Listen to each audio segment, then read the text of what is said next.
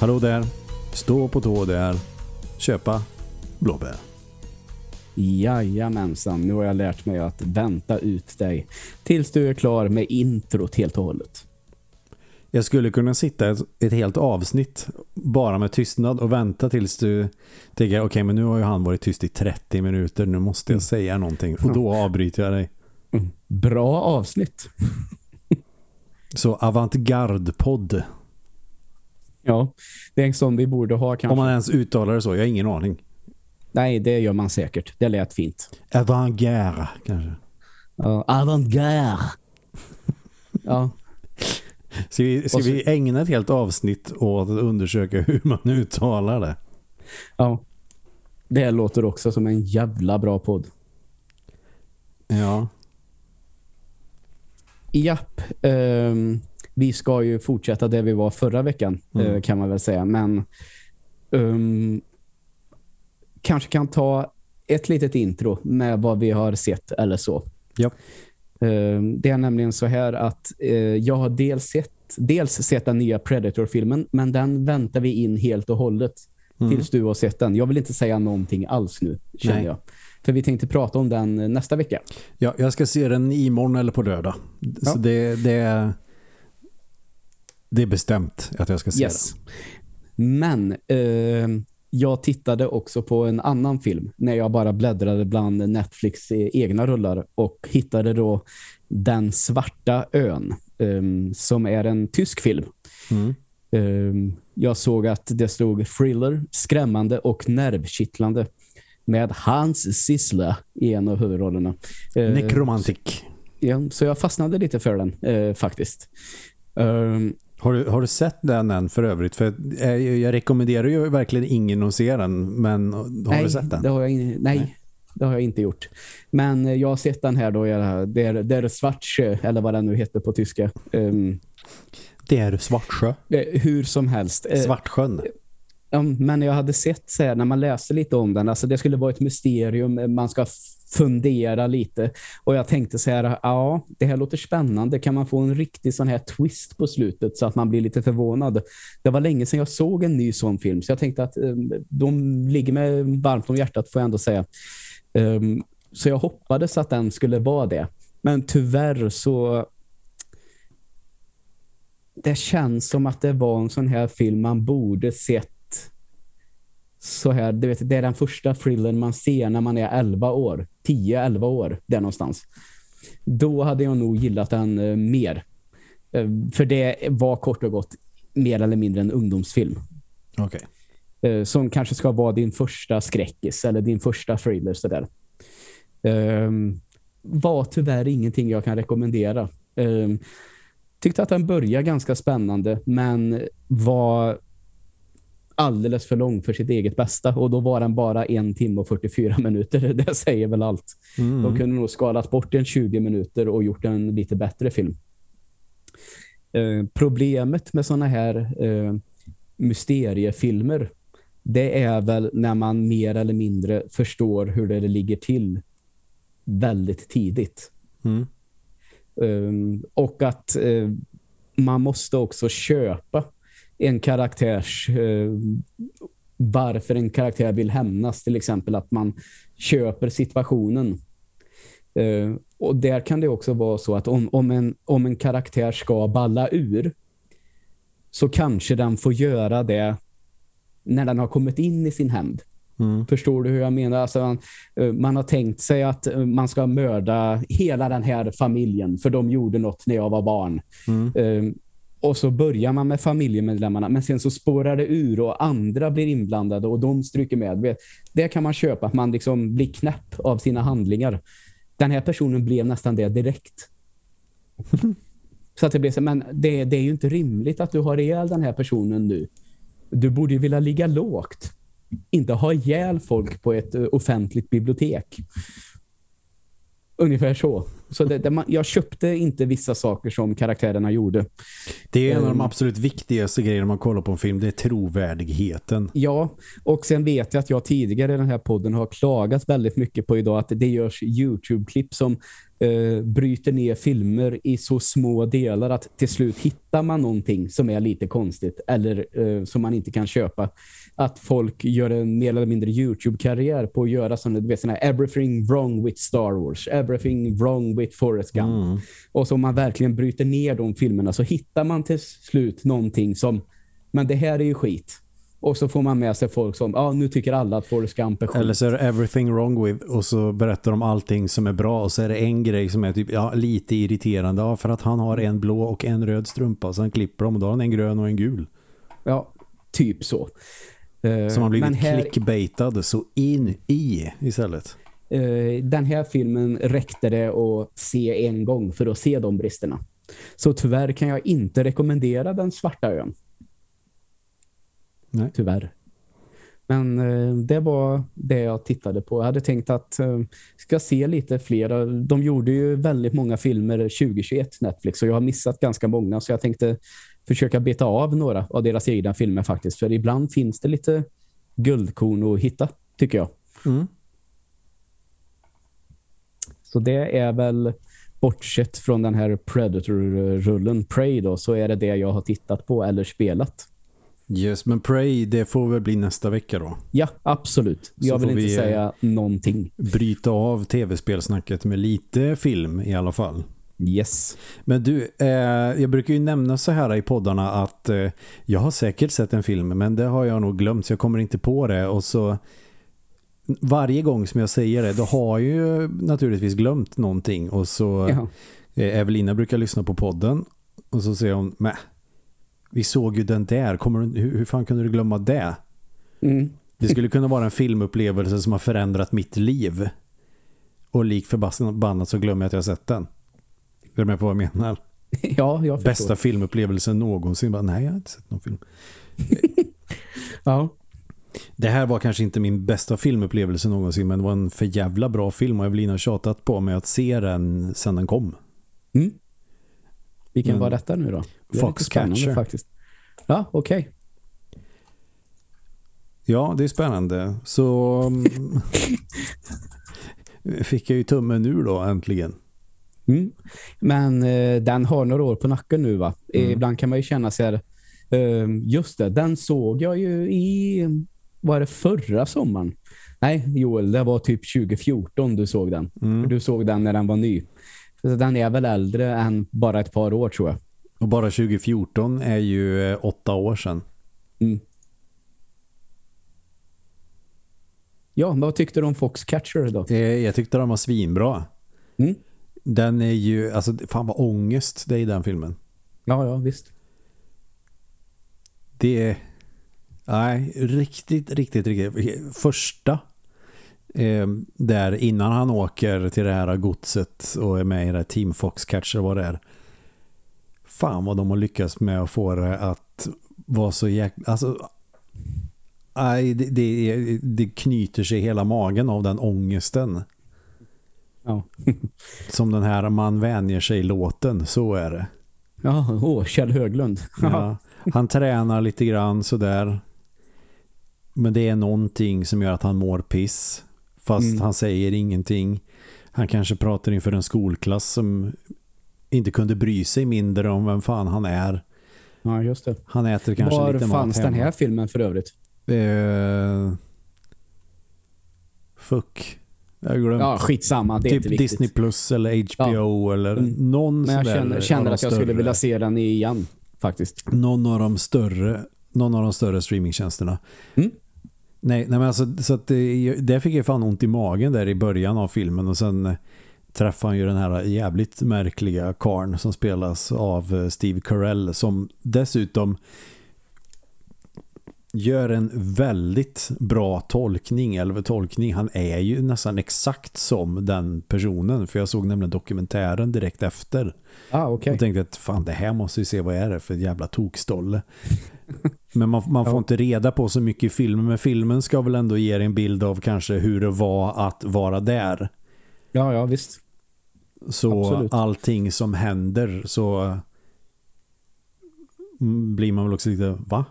Så, Ja. av, för det är ju jävla märkligt hela den här grejen så.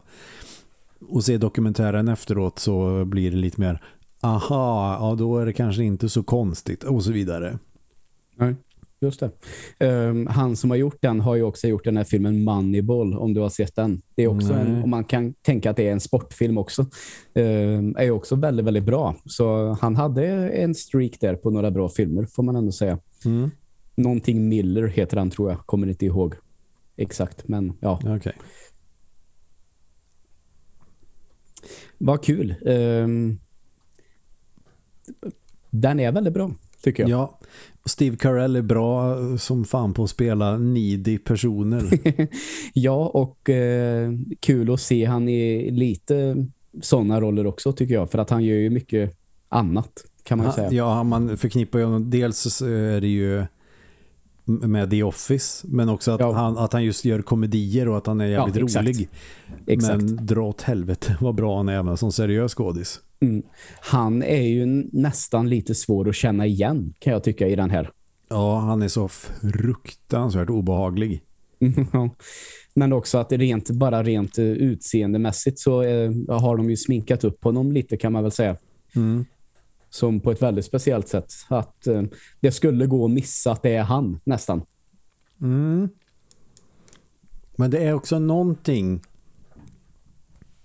som gör att ja, ja, det... det där är Steve Curl men det, det, skulle också lika gärna kunna vara att man inte riktigt ser det först förrän någon säger att det är han och då, mm. ah, ja, ja. Exakt så. Lite så, um, om du vet vad det, är du ska, vad, är för, vad det är du ska titta efter eller vad det är för minne i huvudet du ska få att det matchar mm. mot det du ser på tvn, då skulle man känna, då så är det. Ja, eh, absolut. Och sen tycker jag, eh, när jag tänker på Steve Carell idag så är det ofta så som han, han har ju ofta briller idag. Så mm. ställer det till det lite i hjärnan också. Mm. Även om man inte har briller i så det är många komedier heller. Men det är ändå någonting att jag tänker på glasögon när jag ser honom nu för tiden, av någon anledning. Fan, det är en annan tv-serie med Steve Carell som jag såg första säsongen av som jag tyckte var svinbra då de är sån här rymdmilitär. Mm. Att de öppnar någon form av militärbas för rymdkrig typ. Aha, det här känner jag inte igen alls. Nej, säga. jag har glömt vad den heter också för jag hade inte tänkt att prata om den idag så det, det, kom mm. nu. Ja, men då så, då får vi ta det det kan vi ta en annan gång. Men jag vet att jag påbörjade mm. andra säsongen för några veckor sedan eller några månader sedan. kanske var i våras till och med. Och hängde inte med alls. Så att jag måste se om hela första säsongen. Ja, varför inte? Och så får du säga till mig eh, när du har gjort det så ska jag också se den. Men jag, vet, jag minns att första säsongen var jävligt bra och att jag inte kunde sluta titta. Ja, men fan, nu börjar jag också... Nej, jag ska inte fastna i det här nu och börja googla och greja. Ehm. Även om det kryper i hela kroppen på mig. För nu börjar jag ana att känner jag inte igen det här lite. så är de ju något team med... Eh, ja, dels är det han och så är det väl någon eh, forskare som är ja. väldigt anal, så att säga. Och sen någon sociala medier-kille som är helt hysterisk. Alltså, det är det den bra. som heter Space Force bara? Ja, jag tror det. Ja. Mm. Det var ju ett lätt namn att komma ihåg. Men... Ja, jag var tvungen att googla nu ändå. du kunde inte låta bli. Som lades ner efter två säsonger. Ja, ja. Nu kan man väl se de två då. Ja, men jag tyckte det var charmig. Mm. Jag kanske är lättroad, uh, jag har ingen aning. Nej, det, det kanske blir som i den här western-serien um, som slutar med en sån som också lades ner efter några säsonger som, som slutar med att mer eller mindre de rider iväg och ska döda en kille och så ska det vara en super uh, cliffhanger. Deadwood heter den tror jag. Det känner jag igen. Mm, som var jävligt bra i början och sen som liksom det till slut kom en film som skulle liksom runda av det där eftersom den blev nedlagd men som jag aldrig har blivit av att jag har sett. För det blev så här kommer du ihåg den här coola serien som gick för 15 år sedan? Jag bara, ja nu får vi slutet på den. Aha. Jag, så här, jag gick på högstadiet när jag såg den. Så blev det. Man har ju hunnit släppa det. Ja, verkligen. Men bra var den i alla fall. Sörjer också att Freaks and Geeks inte fick en eh, fortsättning. Mm, det är lite synd. Den eh, får jag väl hugga tag i ordentligt den också. Jag har mycket som jag borde se så där hela tiden. Mm. Men eh, alltså, man kan väl förstå på ett sätt att Freaks and Geeks inte fick något eh, större genomslag kanske på sin tid. Ja, den hade ju absolut fått det idag på ett annat sätt. Det är jag ja, hade Freaks and Geeks gjort idag så hade det blivit en dundersuccé för den är mm, retrovurmande och det är liksom väldigt spännande karaktärer men vi var väl inte redo för det på tidigt 2000-tal antar jag. Nej, eh, antagligen inte. Den var lite före sin tid kanske helt enkelt. Den var väldigt före sin tid. Mm. Exakt. Eh, vad säger du? Ska vi hoppa tillbaka till det vi pratade om lite förra veckan? Ja, det kan vi göra. Alltså spel från Sverige eh, som, som, som så småningom ska bli lite spel från Norden då. Men vi bryter ja. av med det här Prey-avsnittet, tänker jag. Ja, precis. Så att det inte blir för mig av allt på samma gång. Ja, exakt. Det är som när man är på en buffé. Du lastar på en tallrik med kött. Och då kanske du vill eh, käka något annan typ av kött emellanåt. Mm, exakt så. Jag tänkte, kan jag börja? För jag mm. har en liten kortis i början som jag har varit inne på. Jag tror att vi har pratat någonting i stilen någon gång. Alltså spel vi skulle vilja älska. Eller om det bara är du och jag som har pratat om att vi borde prata om det någon gång. Men det rör sig i alla fall om den här eh, strategiserien eh, som går under det här Grand, eller Grand Strategy eh, från Paradox som heter Crusader Kings-serien. Som det finns tre stycken av nu. Mm. Um, som jag verkligen, verkligen skulle vilja älska och verkligen sätta in mig i. För när jag läser recensioner, när jag hör folk prata om hur deras, liksom, hur deras gameplay har blivit, det är olika varje gång. Och det, så fan, jag skulle vilja vara en del av det här. Jag gillar ju den historien. Liksom som är från den här medeltiden och jag tycker det är coolt med familjer som slåss hit och dit. Det blir nästan lite Game of Thrones-aktigt på ett sätt. Mm. Um, alla vill vara störst, alla vill bestämma. Men det verkar som att jag kanske får ge Crusader Kings 3 ännu en chans. För jag pratade lite med en bekant som spelar de här spelen väldigt mycket. Och det verkar som att jag har tänkt lite, lite fel med hur jag spelar dem. Okej. Okay. För om jag krigar till exempel, eller om eh, min kung inte får några söner, eller ifall jag får problem med en kusin som också vill bli kung, så har jag sett det som om jag förlorar ett slag så ser jag det som en liksom, förlust i min gameplay-streak. Men då sa han så nej men Joel, det är det som är det roliga med Crusader Kings, att det är inte slut där. Det fortsätter ändå. Mm. Du bara får liksom en annan story just den gången. Alltså, men du vet och det är likadant om du bråkar med din bror och man fan lundmördar hans fru. Då lugnar han ner sig. Du måste tänka lite utanför boxen när du spelar de här. Man måste tänka som eh, en person i feodalsamhället från den tiden då. Ja, så verkar det faktiskt. Jag tror faktiskt att det blir dags att installera det en gång till. Det finns väl på Game Pass för PC tror jag till exempel. Så det kostar mm. mig inte en slant att prova en gång till. Så det kommer jag nog att göra. Men det är mycket det att jag läser om dem. De ska ju vara i den här genren helt fantastiska.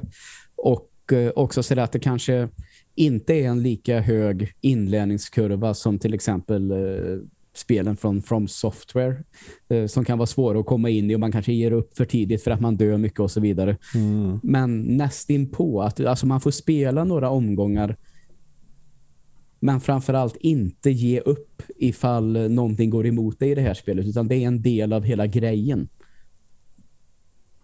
Mm. Så det ska jag faktiskt försöka göra eh, så.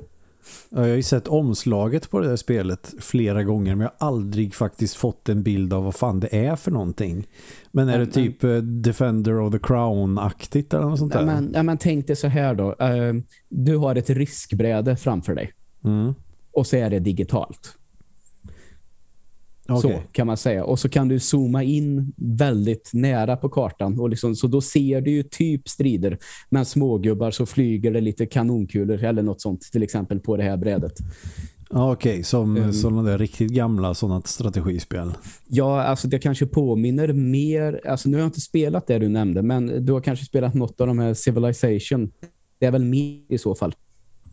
Faktiskt aldrig kört Civilization förut. Nej, men, jag vet, okej. men jag vet vad det är. Så att, Mm. ehm, ja, nej, men då kanske det inte är som eh, Defender of the Crown. Det är ju då är det, ju kanske, då är det ju kanske sådana där grejer men det är också lite minispel. Att eh, nu är det turnerspel och alltså lite sådana Ja. grejer. Nej, det här är ju också, det- du får ju läsa en hel del. Liksom, det är ju mycket textbaserat och liksom eh, kryssa i rutor med vad du vill eh, till exempel. Och, ehm, du får ett meddelande från någon, då får du läsa vad säger den här personen? Kan jag göra en deal med den här? Eller eh, ska jag anfalla istället? Liksom, det är mycket sånt då.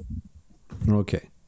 Ehm, Så är det klart, det är ju väldigt speciellt gameplay. Så, men jag ska verkligen försöka en gång till att komma in i det i alla fall.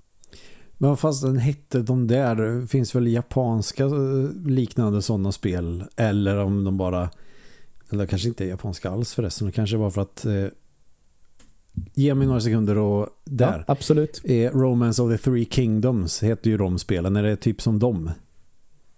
Eh, känner inte till dem alls, tyvärr. Men det är det säkert, kan vi väl säga då. Sen kommer jag även att tänka på Ogre Battle till eh, Super Nintendo. Men Mm. Nej, kanske inte. Ja, men ja, det, ja, jag har ingen aning. Jag bara namedroppar en massa spel som jag egentligen Ja, ja, aldrig har det- satt mig in i. Men för att Ja, få en någon, bild någon, av... kan, någon kanske har spelat dem och kan avgöra själva då. Jaha, det är så det ser ut. det blir väl bra. Ja, men för att få en bild av vad det här Crusader Kings är Mm. för eh, ett spel. Bara så att jag hänger med, för jag har aldrig eh, spelat det där. Nej. Ja, men coolt ändå. Ja, eh, det är just det. Det känns väldigt coolt. Men eh, kanske... Jag ska ge det eh, en chans till och se ifall det kan bli något den här gången. Fan, nu kommer att tänka på Sid Meier's Pirates. Det, är ganska, sk- det var ganska skojigt spel, var det inte det? Ja, det var jävligt roligt. Det håller jag med om. Speciellt när man fattade vad, vad det är man gör på det. Inte bara åker runt planlöst och slåss med andra pirater. Ja. Ja. Ja, fy fan. Och att man blir rik när man hittar socker. Mm. Det låter fantastiskt. Ah shit, vilken grej. Det kom ju en remake på det, men det är ju inte de här spelen Mm. det, är prata om det, nu. det är det jag har spelat allra mest av dem faktiskt. Ja, jag har Det spelat, jag spelat Amiga-versionen och på Nintendo 8-bit. coolt. Remaken Coolare. har jag alltid velat prova, men fick aldrig tummen ur, var ju dumt. Ja, Oj. det var lite synd för dig. Pirates Gold har jag kört på Sega Mega Drive också som var, jag vet inte om det räknas som en remake eller om det bara är inte vet jag, kanske en Ja. remaster. Skitsamma, jag, jag släpper Skitsamma, det. ja. Men grymt ju. Mm. Det låter som att det kan vara för att ja annars så tänker man ju ja du är den här kungen och du ska försvara ditt land och sen dör man okej game over då måste jag tänka på ett annat sätt nästa gång jag kör. Mm. Här tror jag, som jag sa, att det är så att nej, kör på istället och Mm. se hur det artar sig. För det kan alltid hända någonting. Någon jävel får lepra eller något sånt där då, så du kan du ta över ett litet område istället. Ja, det är ju, och det kanske känns också mer om man vill ha en autentisk upplevelse av den tiden, eller vad man ska säga. Verkligen. Det var en massa bråk och slåssing och eh, inavel. Mm. den delen kanske inte är med i spelet och det kan man väl vara utan också. Men Det kan man. yes, är det Ja, någonting eh, mer du vill säga om det förresten? Nej, eh, eftersom jag eh, är i ett sånt här läge där, jag behöver spela det en gång till då, så får jag, jag sa ju lite kortare om Crusader Kings-serien, framförallt trean då. Mm. Eh, installeras just nu på Xboxen för övrigt. Uh, ger det ett försök på hur det är att spela på konsol då den här gången så får vi se. Eh, så ta gärna någonting du. Yes. Eh, ett spel som jag spelade väldigt mycket när det kom. Mm. Som jag inser också nu att fan det där är länge sedan nu. En remake på ett retrospel. Bionic En Commando remake? Rearmed. Ja, just det. Eh, är det spelet man inte kan hoppa i utan Mm. har den här eh, kroken istället? För att de, det var ju svenska utvecklare som skulle göra en uppföljare av ehm, eh, ja, Bionic Commando helt enkelt. Mm. Fast med den tidens som ändå är ganska lik den här generationen. Det känns ju inte så retro med Xbox 360 och PS3. Nej, det gör väl inte det. Det känns som att det är ja, dagens spel påminner ändå ganska mycket om hur spelen var då. Mm. För ja, det, det, kanske är större förändringar än man tror. Skitsamma, det är inte som steget mellan Nintendo 8-bit till Playstation 3 som Playstation 3 till Playstation 5. Mm. Nu, nu måste jag bara flika in med en eh, direkt eh, en grej här då. Är det Nathan Spencer som huvudpersonen heter? Mm. Eh, jag sitter här och tittar på en bild från eh, Rearm-spelet.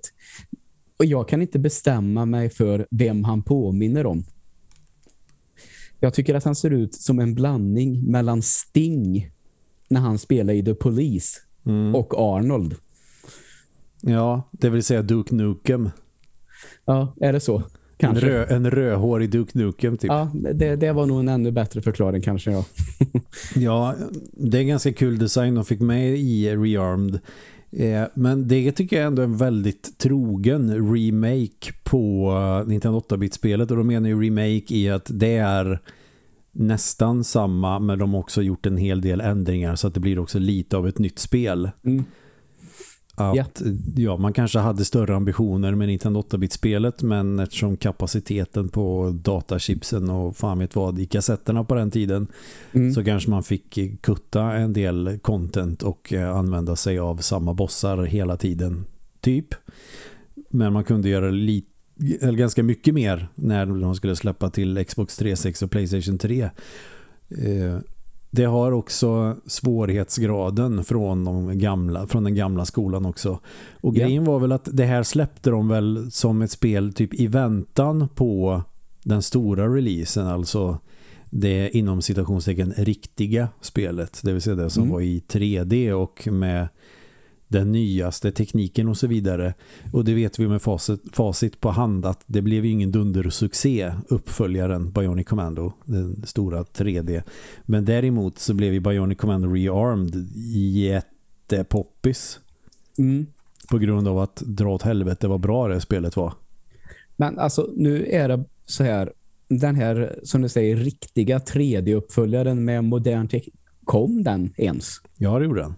Ja, okej, okay, för det, alltså, det tror jag aldrig jag har sett ens en gång. Jag köpte det aldrig för att det fick ganska dåliga recensioner och mm. det var väl på den tiden då jag kanske inte då, då jag var lite mer noggrann när jag förvaltade mina pengar mm. och vad jag skulle lägga pengarna på för vilka spel och sånt där. Det var ju inte självklart för att det, det köpte åtta spel i månaden då. Okej, okay, ja. Hade någon sagt till mig, det kom aldrig, så hade jag köpt det. För jag har alltså noll minne av att jag någon gång har sett den 3D-versionen. Alltså det kommer ju verkligen i de här uh, köp en för 59, två för 99 mm. backarna typ ganska fort efter att det släpptes. Ja, okej. Okay. okay. Och det kändes ju också som att, ah, nej. För några gånger har man väl köpt spel som man tänker, men det här blir nog kanon och så har det varit ganska kass. Ja, visst. Som när jag köpte Clive Barkers Jericho och tänkte shit, det här kan ju vara hur ja, coolt som helst. Ja, det, det däremot kommer jag faktiskt ihåg. Clive Barker, det är ju lite balt liksom. Och så ja. är, är ett skräckspel liksom, ja ah, fan, det här blir nog tufft och så fattar jag mm. ingenting. Och bara, nej, det här var rätt tråkigt faktiskt. Men det kom några eh, sådana med han Clive Barker. Det kom några andra sådana spel också före det va? Gjorde det inte det? Det är möjligt, men jag kommer inte på någonting. Jo, uh, Undying kanske det var det hette. Som mm. jag tyckte var ganska coolt faktiskt. Um, som är lite före tror jag här. Ja, det verkar så. Nej, ja, så jag har faktiskt inte vågat. Eh, det skulle ja. kunna vara en sån där grej då inför ett kommande avsnitt som vi måste göra någon gång. Eh, om det är så dåligt som alla säger eller så ja, bra som alla säger så får vi mm. nästan ha med Bionic Commando. Då får jag ju prova det då. Ja, och så får jag väl testa Daikatana då. oh, ja, det där spelet är jag grymt nyfiken på om det verkligen ja. är så uselt. Exakt.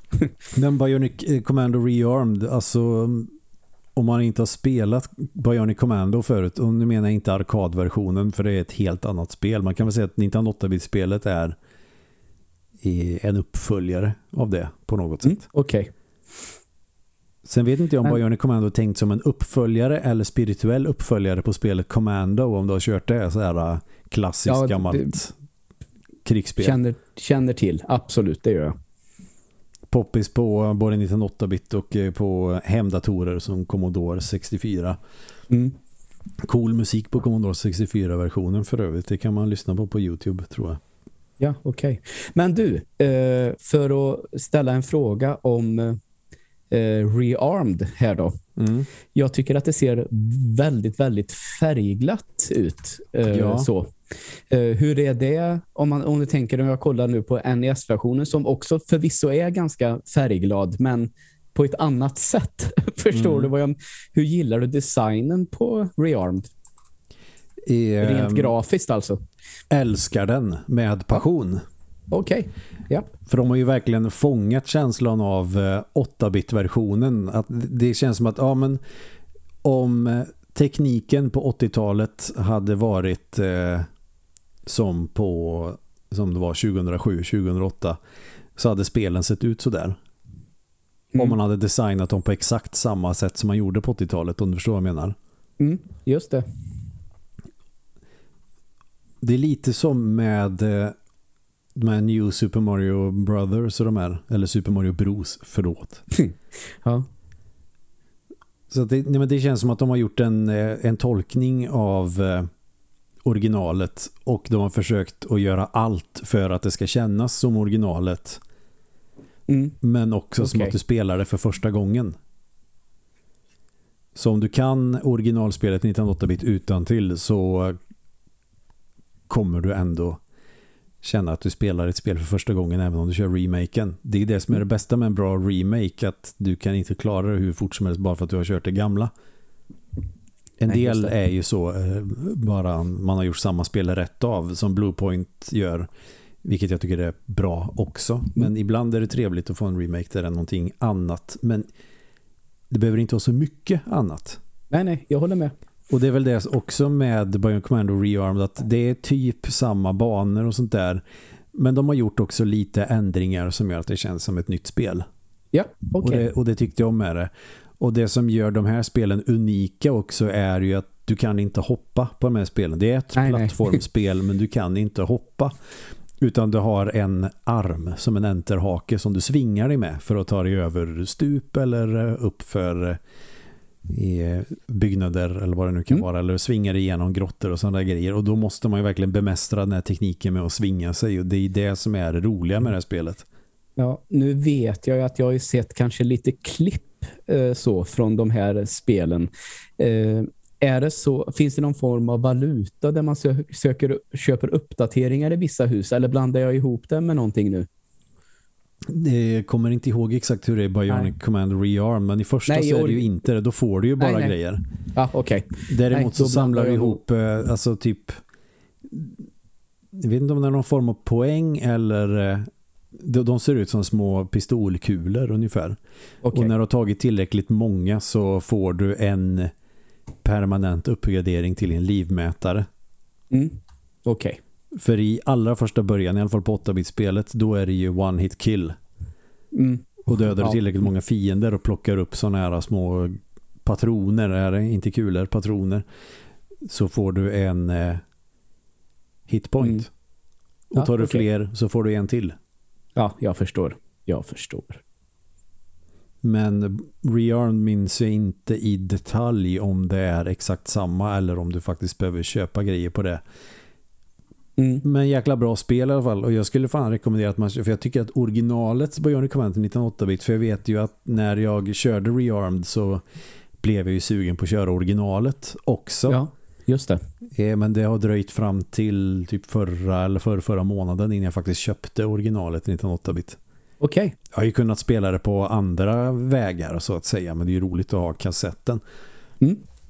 Båda är bra. Så att är man inte intresserad av retrospel så om man tycker att nej men graf- grafiken är för utdaterad för att jag var helt enkelt eh, född när Playstation 2 kom kanske.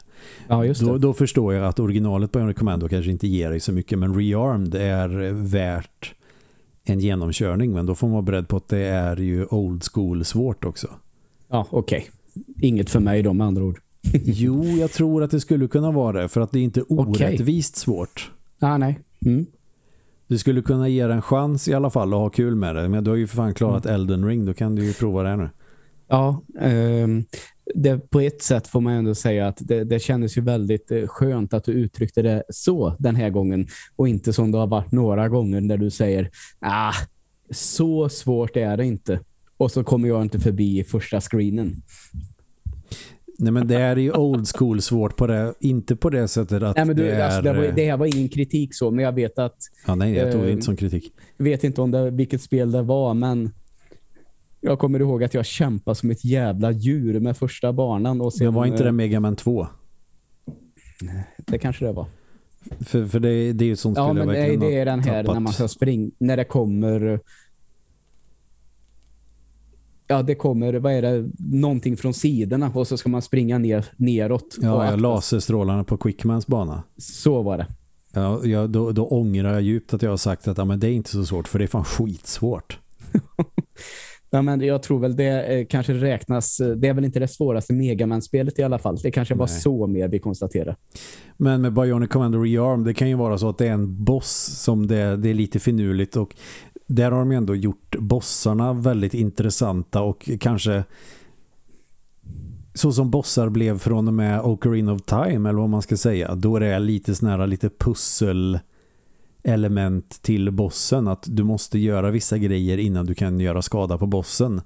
Mm. Att det kan vara någon stor maskin där du måste kanske plocka loss, inte fan vet jag, bepansring med när enterhaks armen så att du den så du kan blotta så, den sårbara delen och skjuta på den. Alltså sådana där mm. grejer är det okay. mycket mer i det här. Så att bossarna från, eller vad, om man nu ens kan kalla det bossar i, i Bionic Commando till 8-bit är, är ju inte med alls på samma sätt. Här har de ju lagt till en jäkla massa grejer när det kommer till bossar. Det är det som är nice också. Okej. Okay. Jag måste fasiken kolla om inte jag har det på...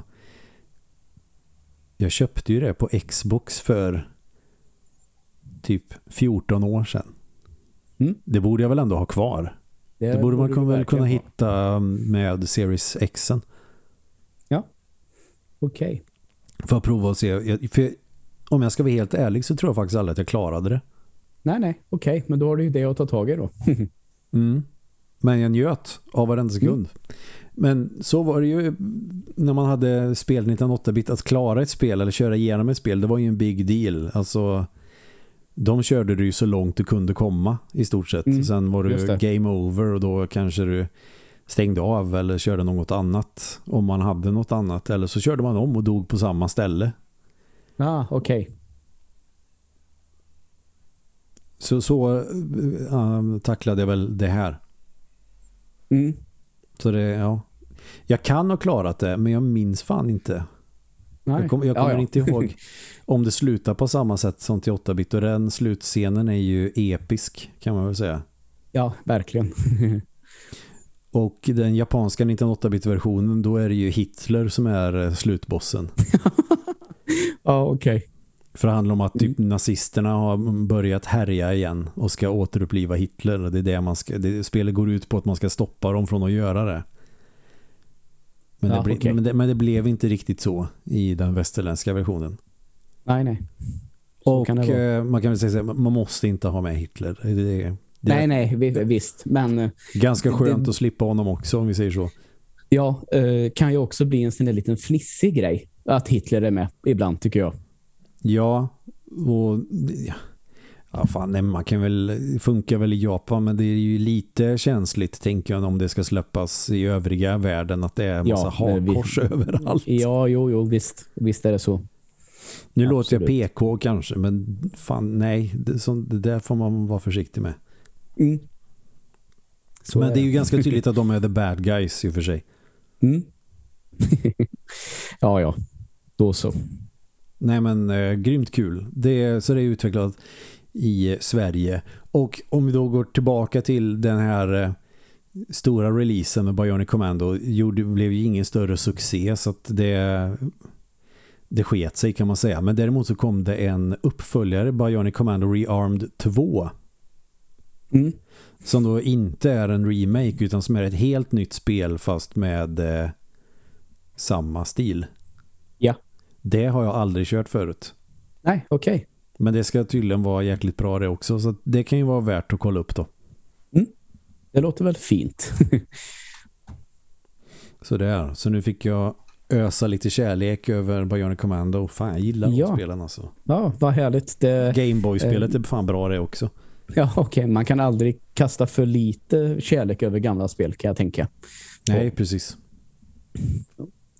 Eh, jag ska prata om ett litet äldre spel nu. Eh, frågan är, eh, det är väl inte nostalgiskt på den sidan utan det är den här 360 Playstation 3-eran. Mm. och det är från Starbreeze Studios som hade ett jävla en jävla streak där med de här Riddick-spelen som knappt går att få tag på längre. Uh, har ju haft lite ekonomiska problem på senare år men det verkar väl som att det här Payday 3 ska komma nu uh, till slut nästa år och kanske kan rädda dem lite. Vi får väl se hur det blir med det. Mm. Men jag tänkte prata om ett spel som kommer mellan de två Riddick-spelen och som bygger på en serietidning men inte en av de allra, allra mest populära eh, serietidningar utan det är väl ingen Marvel och ingen DC Comics. Är det Dark Horse? Eh, ja, det är Top Cow Productions. Okay. Och det är eh, karaktären från serietidningen som också heter The Darkness. Mm.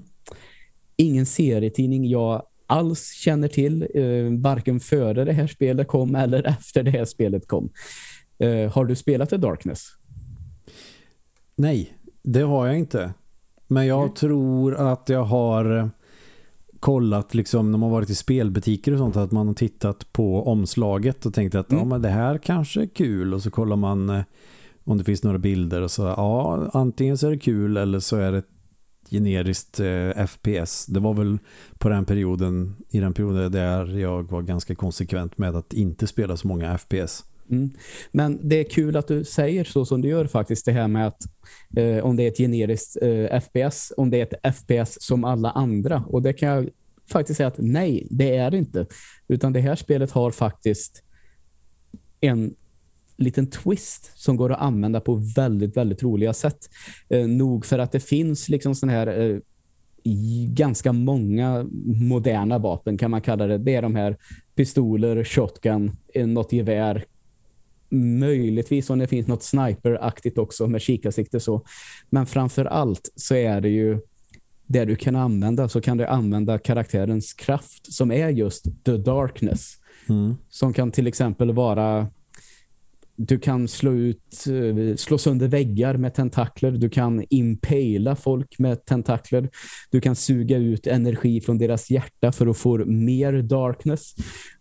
Och det kanske det är inte bara så att du kan använda det här hur som helst. Det finns ett lite strategiskt tänk. För just som titeln avslöjade med The Darkness så kan du bara använda det här i mörker. Okej. Okay. Så om du är i en mörk gränd till exempel så får du mer energi för att kunna använda de här specialattackerna. Och du kan även till exempel om du är inne i ett rum och det hänger en lampa i taket så kan du skjuta sönder den så det blir mörkt. Så får du mer energi. Så det, det här spelet har någonting som inte bara gör det till ett FPS som andra. Så det blir eh, precis som jag vet att Halo Infinite, nu är inte det svenskt men har fått en del skit. Eh, och det fanns problem med den öppna världen i det. Men framförallt så tyckte jag att det var så jävla roligt gameplay mm. i striderna i det spelet. Och samma sak är det här. Du har liksom en nästan en upptäckarglädje i den här nästan ändå mer eller mindre korridorskjutaren. Alltså det är ju raka spåret mer eller mindre i de kan vara banorna. nice med det också. Det kan det absolut vara. Men jag råkade även att... se på internet här att eh, Mike Patton gör rösten till Aha, The okay. Darkness. Mm. Det är ju lite skojig trivia så. Jag tänkte jag vilja nämna och mm. alla gillar vi ju Mr. Bungle. Ja, det, det, kan man väl lugnt säga. Eh, men just det är att eh, det blir sällan roliga eller trå tråkiga strider i det här utan det är kul att använda de här olika förmågorna som du får. Och det, det kan ju vara att du kan skicka ut dina, eh, om det är mörkt längs ett tak till exempel. Mm. Så kan du då, eh, och det är mörkt hela vägen till en fiende längst bort så kan du kan, ta, kan tacken liksom sprida sig i mörkret och så kan du slå ut någon på avstånd till exempel. Mm. Så det blir väldigt... Eh, man kan spela det på lite olika sätt. Du kan ju gå all, gun, all guns blazing också, men då försvinner ju ganska mycket och det blir faktiskt ganska svårt då, om du inte utnyttjar din förmåga så att säga. Sen vill jag minnas att man i de senare delen av de här spelen också får vapen som har darkness som ammunition. Jag har för mig att det var så. Så att de är liksom mycket, mycket kraftfullare än en vanlig pistol. Till exempel så finns det Darkness-pistol till slut, tror jag. Mm. Uh, och så tycker jag att det var ett av de här spelen när man spelar Playstation 3 där som man tyckte verkligen var vrålsnyggt för sin tid. Mm. Och precis som i de här Riddick-spelen så utnyttjar de mörker och skugg skuggor väldigt bra på den tiden Starbreeze. Så det blev väldigt effektfullt på den tiden så. Mm. Mm. Så det hade varit kul att se vad fan de hade kunnat göra med ett spel i den här genren. Alltså på dagens konsoler eller dagens PC till exempel. Det hade varit jävligt coolt för det har ju, det har ju hänt en del onekligen sedan dess. För det här måste ju vara ja det är ju garanterat över tio år gammalt. Så är det ju. The Darkness? Ja, om närmare 15 skulle jag tro. Tror att det kom ungefär när jag flyttade till Karlstad om jag inte minns helt fel. Ja, enligt Wikipedia så är det 25 juni 2007. Nu sitter jag och eh, googlar faktiskt. Ja, det gör inget. För jag vet också att eh, jag hade ju inte en, en Playstation 3 från början, men det var ett av de ett av de första jag körde. Jag tror det fanns demo på det då. Till exempel så jag tyckte att det var jävligt coolt och köpte det sen. Mm. Det fanns ju en hel del demo på Playstation Network på den tiden fortfarande. När den konsolen var ganska ny. Ah, Så jag- shit. När Yakuza 3-demot kom så tänkte jag, shit, det här var typ det roligaste jag har spelat på länge. ja. Jag har inte ens rört ett Yakuza-spel sedan dess. Nej, och det har kommit hur många som helst sen dess känns det som. Ja, typ alla finns ju på Game Pass. Det är helt obegripligt att jag inte har spelat dem när jag var så sugen på det år Mm. 2009. För det är väl på något vis, jag har ju eh, inte spelat ett enda av dem, men det känns som att det är väl lite GTA-aktigt fast eh, mer japanskt på något sätt. Mm. Jag har det lite av de här Shenmue i sig på något sätt kanske. Så kan det vara. Eh, Jag minns i alla fall att du Och det var bara du, du kunde gissning, göra. ska jag ja, säga. Jo, Jag- men eh, det är väl, har väl eh, ganska stora drag av det. För jag minns man kunde springa in på olika ställen. Undrar om det var, ju måste ha varit Yakuza 3. Du kunde springa och spela sådana här arkadspel och massa minispel och sånt där. Och sen så kan du hamna i slagsmål och då var det väl ungefär så som man slåss i de här Arkham-spelen. Ja, ja, okej. Ja, Och Det Spider-Man är- också. det, alltså, det är helt orimligt enkelt att få till snygga attacker. Ja men jag för mig att det var så. Men eh, märk väl att det var 13 år sedan jag spelade. Ja, ja jäklar vet du. Ja, Och då var det ju ett demo. Det, ibland så kan det ju ske ändringar in, innan fullversionen kommer så att säga. mm. just det. Men det fanns ingen fullversion av Yakuza 3 när jag spelade demot tror jag. Nej. Ja. Det är ju för övrigt en som vi pratade lite i introt här om den här westernserien som till slut fick en film och en upplösning. Så kom det till slut ett sånt där Shenmue 3 Mm. som redan nu har varit ute ett gäng år. Det är fascinerande att de väntar hur länge som helst och sen har tiden bara sprungit ifrån det också lite. Måste ju vara tre, fyra år gammalt redan liksom. Och det är inte Ja. jättemycket, men ändå. var inte det liksom- Kickstarter dessutom? Jo, det tror jag. Men nu ska vi inte fastna i det. Ursäkta att jag tog upp ett icke-svenskt spel då. Ja, det, det har ju jag också gjort redan så fast. ja, Men vi måste väl få ha lite referenser att dra när vi pratar om saker. ja, det får man absolut. Det är Eller vi det som bestämmer, det är vi vår podd. Vill vi Ja. prata om någonting annat så gör vi det. Så är det. Men det var också kul att du nämnde Chronicles of Riddick för det var med på min lista. Jaha, okej. Men eh, jag kan säga bara att det finns en uppföljare till The Darkness också som jag inte har spelat.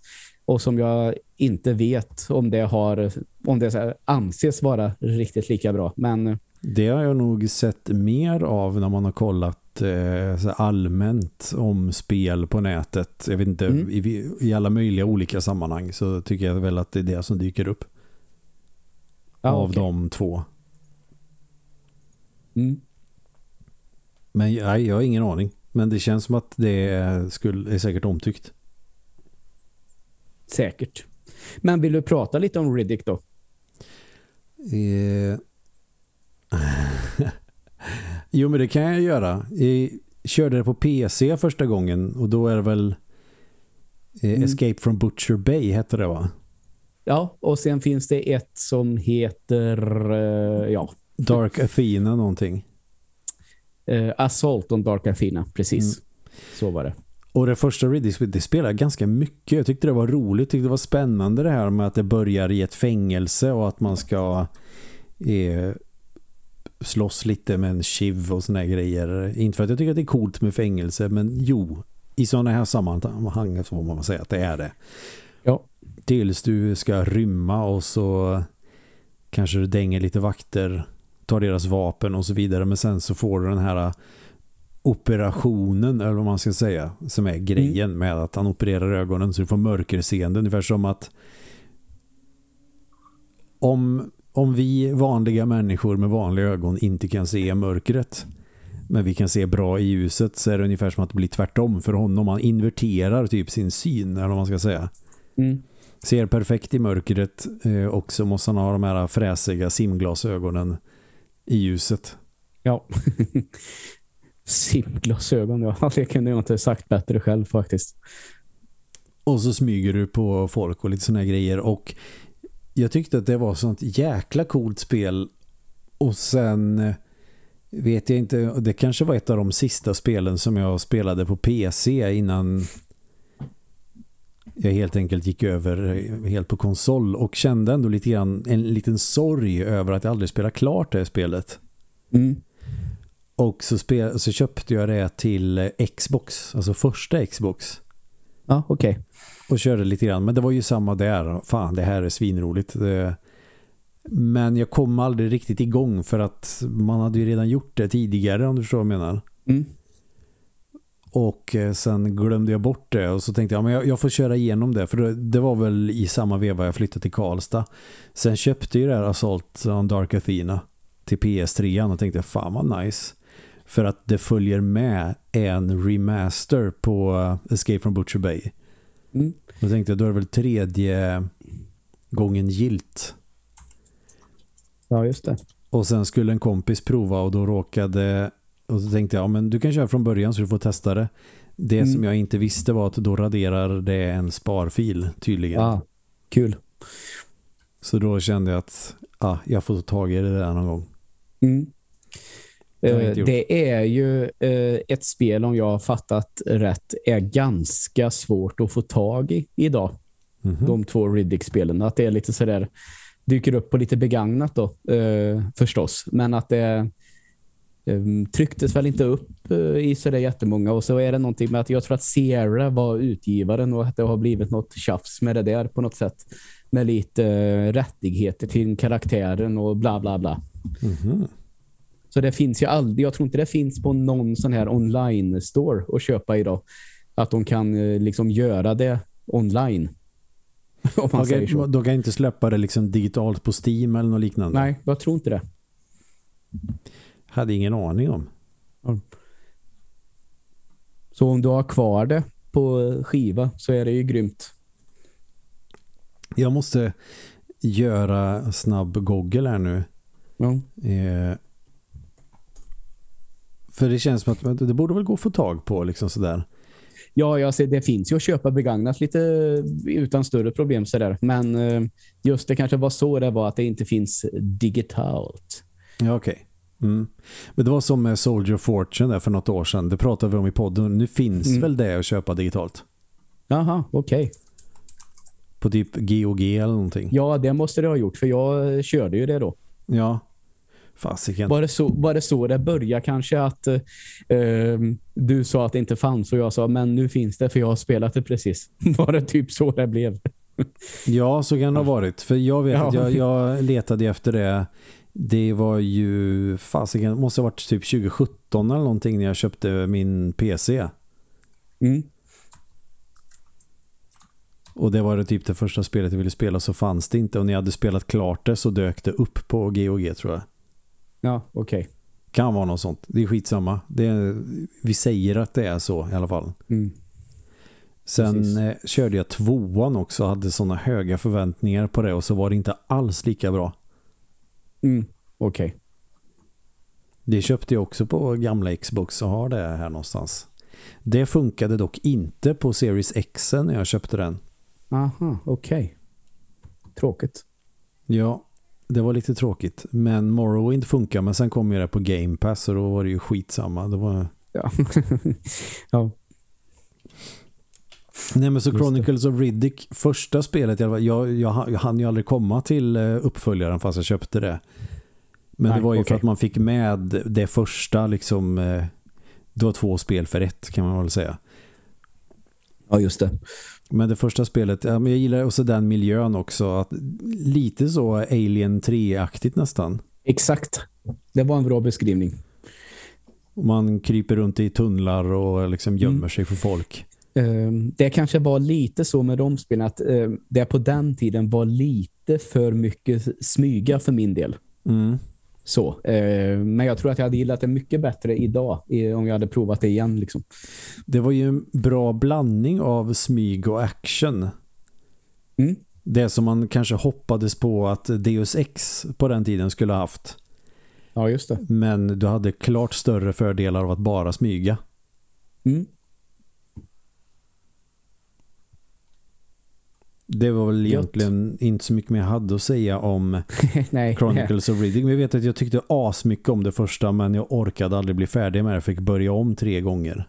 Ja, nej, det är tungt som fan. Ja, Det det, är, det är förstår lite tungt. Men eh, ja, Mm. någon gång så ska jag väl ta tag i det där. Ja. Eller så har det lyckats åldras så lite dåligt så att man inte tycker om det längre för att eh, spelen som kommer nu är en sån jävla hög kvalitet på. Aha, okej. Sen finns det ju ett annat svenskutvecklat spel, jag vet inte om ni har hört talas om det, Minecraft. Nej, jag skojar. Ja. Är det någonting mer du vill ta innan vi eh, Ja. knyter ihop säcken? Ja, eh, inte egentligen, men eh, det finns ett spel eh, som är svenska som Neo Giant heter de. Ehm, Fan, som det, är det, ju- det är ju långt kvar innan vi ska knyta ihop säcken. Jag, Ja. jag går i förtid där nu. Ja, det är ingen fara. Det, ehm, som är också ett sånt här spel som jag tänker att du och jag borde testa någon gång. Det heter The Ascent.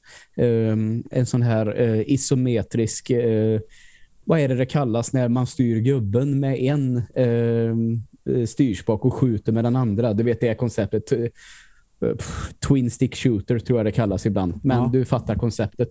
Du, du Ehm. går alltså, säger vi, med vänster styrspak och så siktar du med höger styrspak men Ja. du ser ovanifrån. Exakt. Som Ehm. det här zombiespelet. Ja, precis.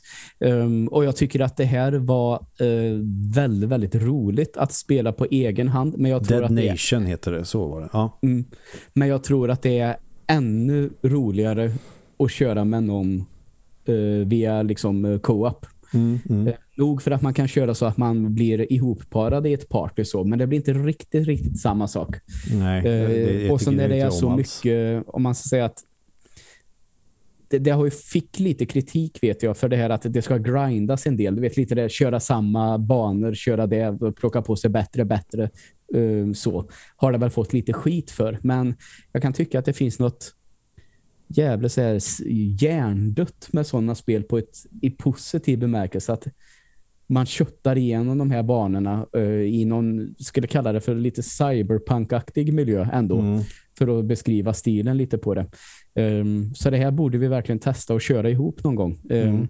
Vill minnas att man kan välja lite olika gubbar. En som är lite snabbare, någon som är i mitten och en som är liksom tank då, tung Mm. med lite kraftigare vapen. Så framförallt väldigt snygga miljöer. Eh, jag är lite svag för det här cy- cyberpunk-aktiga trots allt. Liksom. Ja, jag älskar eh, Lite sånt. starka neonfärger blandat i skitiga miljöer liksom på något sätt så. Ja. Det är fint som fan. Mm. Men Och har du kört ett, Dead eh, game- Nation? Det är ett Game Pass-spel det här också. Så det är ju lätt om vi vill testa det. Coolt. Ja, jag har eh, kört Dead Nation. Det har jag också spelat skiten nu. Det körde jag mycket på Playstation Vita av alla plattformar. Ja, ja. Eh, vet att jag körde det i något sammanhang. Eh, vi minns inte om det var PS4 eller PS3. Jag vet inte hur gammalt det här är nämligen längre. Många nätter efter Lancer-rep har Men det måste varit också. PS4 va? Om det är PS Vita. Eh, Jag körde Dead Nation på PS3 också, men det Aha. kom till eh, PS4 också. Ah, okej. Eh, ja, ja. Mm. Om det var någon Ultimate Edition eh, tjofräs. Mm. Okej. Nej men då, Eh. om det här är liknande så känns det ju definitivt som att det är någonting man borde testa.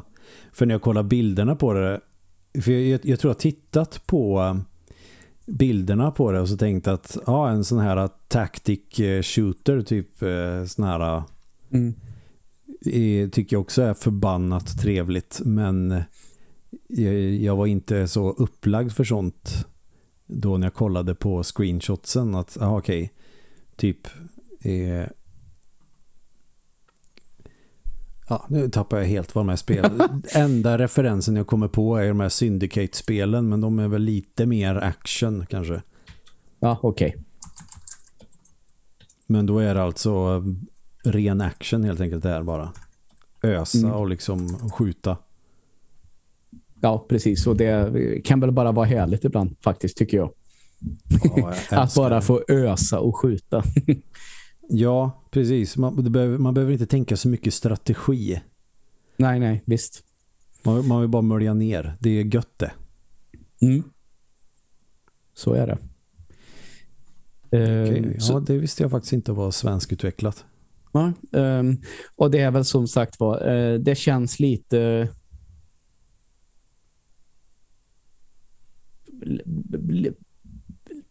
fått, det är antingen eller med det tror jag. Antingen så fastnar man för det eller så eh, fastnar man inte alls. Mm. Jag förstår, jag förstår. Mm. Eh, är det någonting mer som du vill säga om Nej. eh, The Ascent eller? Nej, ehm, det är det inte.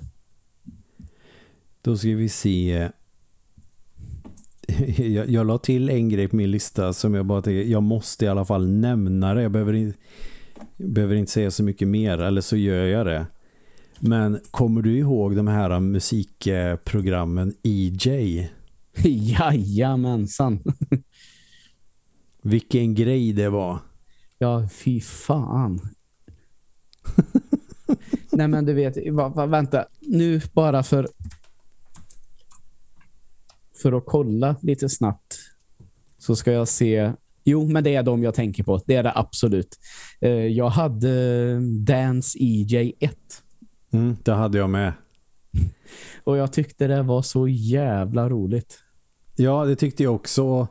Man kunde göra sina egna låtar och så kunde man säga, ja ah, okej men eh, här, nu har jag gjort en vers, nu ska jag göra en refräng och så här, den basgången, nej vi tar den eller fast det var egentligen var det inte så mycket att välja basgångar utan det var mer ljud för att allting och så måste det vara för du bara plockar olika beats, du plockar olika, alltså gränssnittet är ganska likt som Cubase och Logic och de här men istället för att du gör egna sådana midi-block med Mm. melodier så bara plockar du färdiga och lägger in. Mm. Ja shit, jag, jag tyckte det var skitroligt att sitta och greja med det där och när jag klurade ut hur man kunde göra mp3-filer av dem. Ja, det det gjorde jag också. Jag brände ut dem på en CD och spelade i min stereo. Ja, det är så jävla charmigt. Ja, och det får du tänka på också. Det som blir häftigt för mig som inte är musiker alls. Mm. Så. Mer än någon blockflöjtslektion i tredje klass. Så alltså det som var häftigt med det, att det gav ju mig en känsla av att jag hade gjort musik. Ja. Ja men, Det var det jag tyckte var coolt med det. ja, men jag hade inte börjat spela musik själv heller, men jag, jag tror nog att jag kände att när jag, när jag testade det för första gången att fan vad roligt det är att greja runt med musik. Alltså, jag hade, ju, jag hade ju börjat lyssna musik och utveckla någon sorts passion för det. Och ville väl egentligen börja spela instrument men att det var så lättillgängligt att bara sitta och göra en massa grejer. Mm. Och så gjorde jag en polare en jävla massa såna här tramslåtar och såna där grejer. Eh, som man gör när man är eh, tonåring. Mm. Sen vet jag, jag var, var i någon sån här klädaffär, det kan ha varit JC eller något sånt där. Och så vet jag om man köpte kläder så fick man med på köpet en fullversion av Hip Hop EJ. Mm. Och det var Hip Hop EJ 2 och där kunde du göra dina egna melodislingor. Aha, okej. Okay. Eller i alla fall så kunde du göra Nej men vänta nu. Ja, du kunde göra dina egna beats. Och så tror jag att du kunde lägga in egna ljudfiler och att jag gjorde typ melodier av det på något sätt. Okej. Okay. Och sen vet jag inte hur många olika EJ-versioner som jag har avverkat och bara testat. Rave EJ fanns det också. Te ja. Techno EJ vet jag. Då, då, kunde du göra egna melodier på riktigt. Så att där kunde, då var det ju ungefär en gravt förenklad version av att göra melodier i ett eh, MIDI-musikprogram. Mm. Men fan, går de här att få tag på? Slog det mig nu någon av dem? Ja, alltså jag googlade det ju direkt. det finns ju hur många som helst. EJ Dance 7. Oj. Men alltså det finns ju en hemsida. Du kan ju, du kan ju köpa dem. Jag, jag trodde ju att det här var mer eller mindre abandonware vid det här laget. Mm. Nu ska vi se. Agree and create music the easy way with EJ Dance. Download the latest version for Windows. 200 spänn. EJ oh, Dance jävlar. 6 Reloaded. Nu sitter vi och gör reklam här, men det ja. gör vi väl jämt i den här jävla podden. Jag Nej, trodde ska, ärligt talat att EJ var dött det, sedan länge. När det blir lön, då ska jag köpa EJ Dance 7. ska, vi, ska vi göra poddlåtar till det då? Såna vi kan ha. Fast and vad fan är det här? Vi har ett poddavsnitt där vi har musik i bakgrunden som vi har gjort med EJ. ja, men om man kan göra musikslingor så kan du väl göra exakt den här då. Vår intro i Dance 7, eller vad? Det ja, skulle jag säkert kunna göra. Det, det, känns ju också så, så sjukt värt när jag har ändå har köpt Logic och har liksom ett riktigt musikprogram. Nej, vet du vad? Nu, nu gör jag en version av poddlåten i EJ. Ja. Jag brukade, ta, jag brukade göra så, så tv-spel och sådana här grejer som jag tyckte hade fräsig musik. Brukade jag sampla att man kunde med vissa emulatorer så kunde man eh, muta vissa kanaler. Mm. Och så var det okay. kanske ljud som jag tyckte det var roligt. Och så brukar jag alltid sampla dem och lägga in i EJ och göra egna melodier med, med dem. Mm. Ja, eh, eh, min kompis som du känner till lite, Jakob eh, Kåsgård, han mm. eh, som spelar bra piano. Han hade väl något av de här nya dance-versionerna som han, och där klippte han ut eh, från ledmotivet till Bumbibjörnarna precis det sista, när om det nu är Peter Jöback eller om det bara är en myt, när han vrålar om vi får följa med, mm. så hade han bara han det i sin refräng. till något sånt här coolt beat. Det blir ganska coolt faktiskt. Jag, jag, gjorde mig lite poppis i min klass på högstadiet under en kort period när jag och en polare hade gjort eh, låtar på, det kan ha varit Dance EJ 2 och så imiterade jag en av våra lärare mm. och brände ut på en skiva och spelade för mina klasskamrater. Ja. Det, blev, det blev succé. Ja, det kan jag tänka mig. Ja, vad fan, vi gjorde ju musik om eh, en del personer när vi satt och pluggade till tentor också, om du minns. Fast så gjorde jag ju, ja. Ja, det, det, det, det, det, det är där det börjar. Fast det var, vi spelar ju inte in någon person då, ska väl sägas, ifall Nej. någon lyssnar. Nej. Utan vi skåpade oss. ja. Nej, precis. Tonåren gjorde jag på ett sätt. I 20-årsåldern. Ja, samma där. 30-årsåldern. Ingenting har förändrats. Nej. Eh, vår första demo vi någonsin gjorde, jag och en polare, eller demo, vi gjorde en det var väl egentligen en fullängdsplatta men vi släppte den så indie det bara kan bli. Det vill säga att vi vi tog oms, vi gjorde omslag av såna här gamla det är såna här magasin från 50- och 60-talen med sån här reklam mm. och sånt där. Ganska coola bilder. Ja, okej. Okay. Och eh, så hade vi en sån, så hade jag ett program på datorn där du kunde få de rätta måtten för skivomslag och skriva okay. ut. Ja. Jewel Case Creator. Ja, men något sånt. Och, heter det eh, jag använde. Då var det bara bilder från såna här svingamla tidningar och så var det en bild på en eh, tant som stod och såg väldigt bestämd ut. Och så döpte vi skivan till Det är jag som är din far.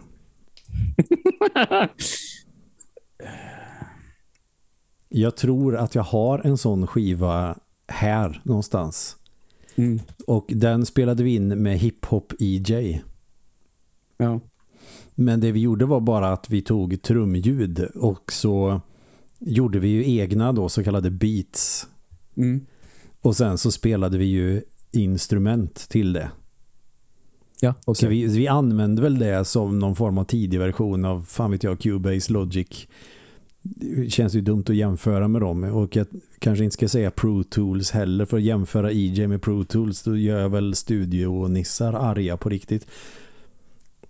Men vi, det var det vi hade och så hade vi en datamick som vi eh, liksom la framför en skruttig liksom jätteliten eh, eh, förstärkare. Så vi spelade in gitarr och bas med EJ i trummorna. Ja, men det är väl ändå kreativt och coolt på något sätt det också.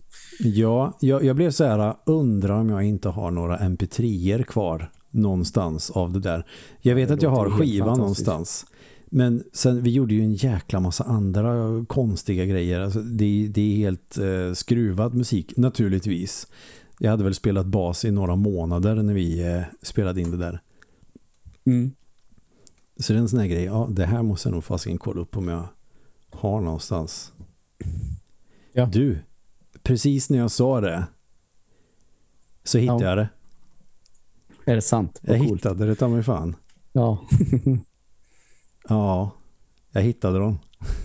Gött. En låt heter Mitt kött funkar inte. ja, ja. Och en annan heter Robotnavel. Det var ett bra namn. Ja, men eh, eh, det är jättekonstigt när jag kollar på låttitlarna. Jag vågar inte säga dem högt för att det är lite cringy. ja, vi får ta det sen då. Vad, vad är det här? Blomstergården i min låda. Alltså det är helt skruvade grejer. Jag vet inte vad som hände i mitt huvud under tonåren. Det, var, det var inte det här testosteron sprängfyllda som för alla andra utan det var nog bara kaos och dumheter. Ah, okay.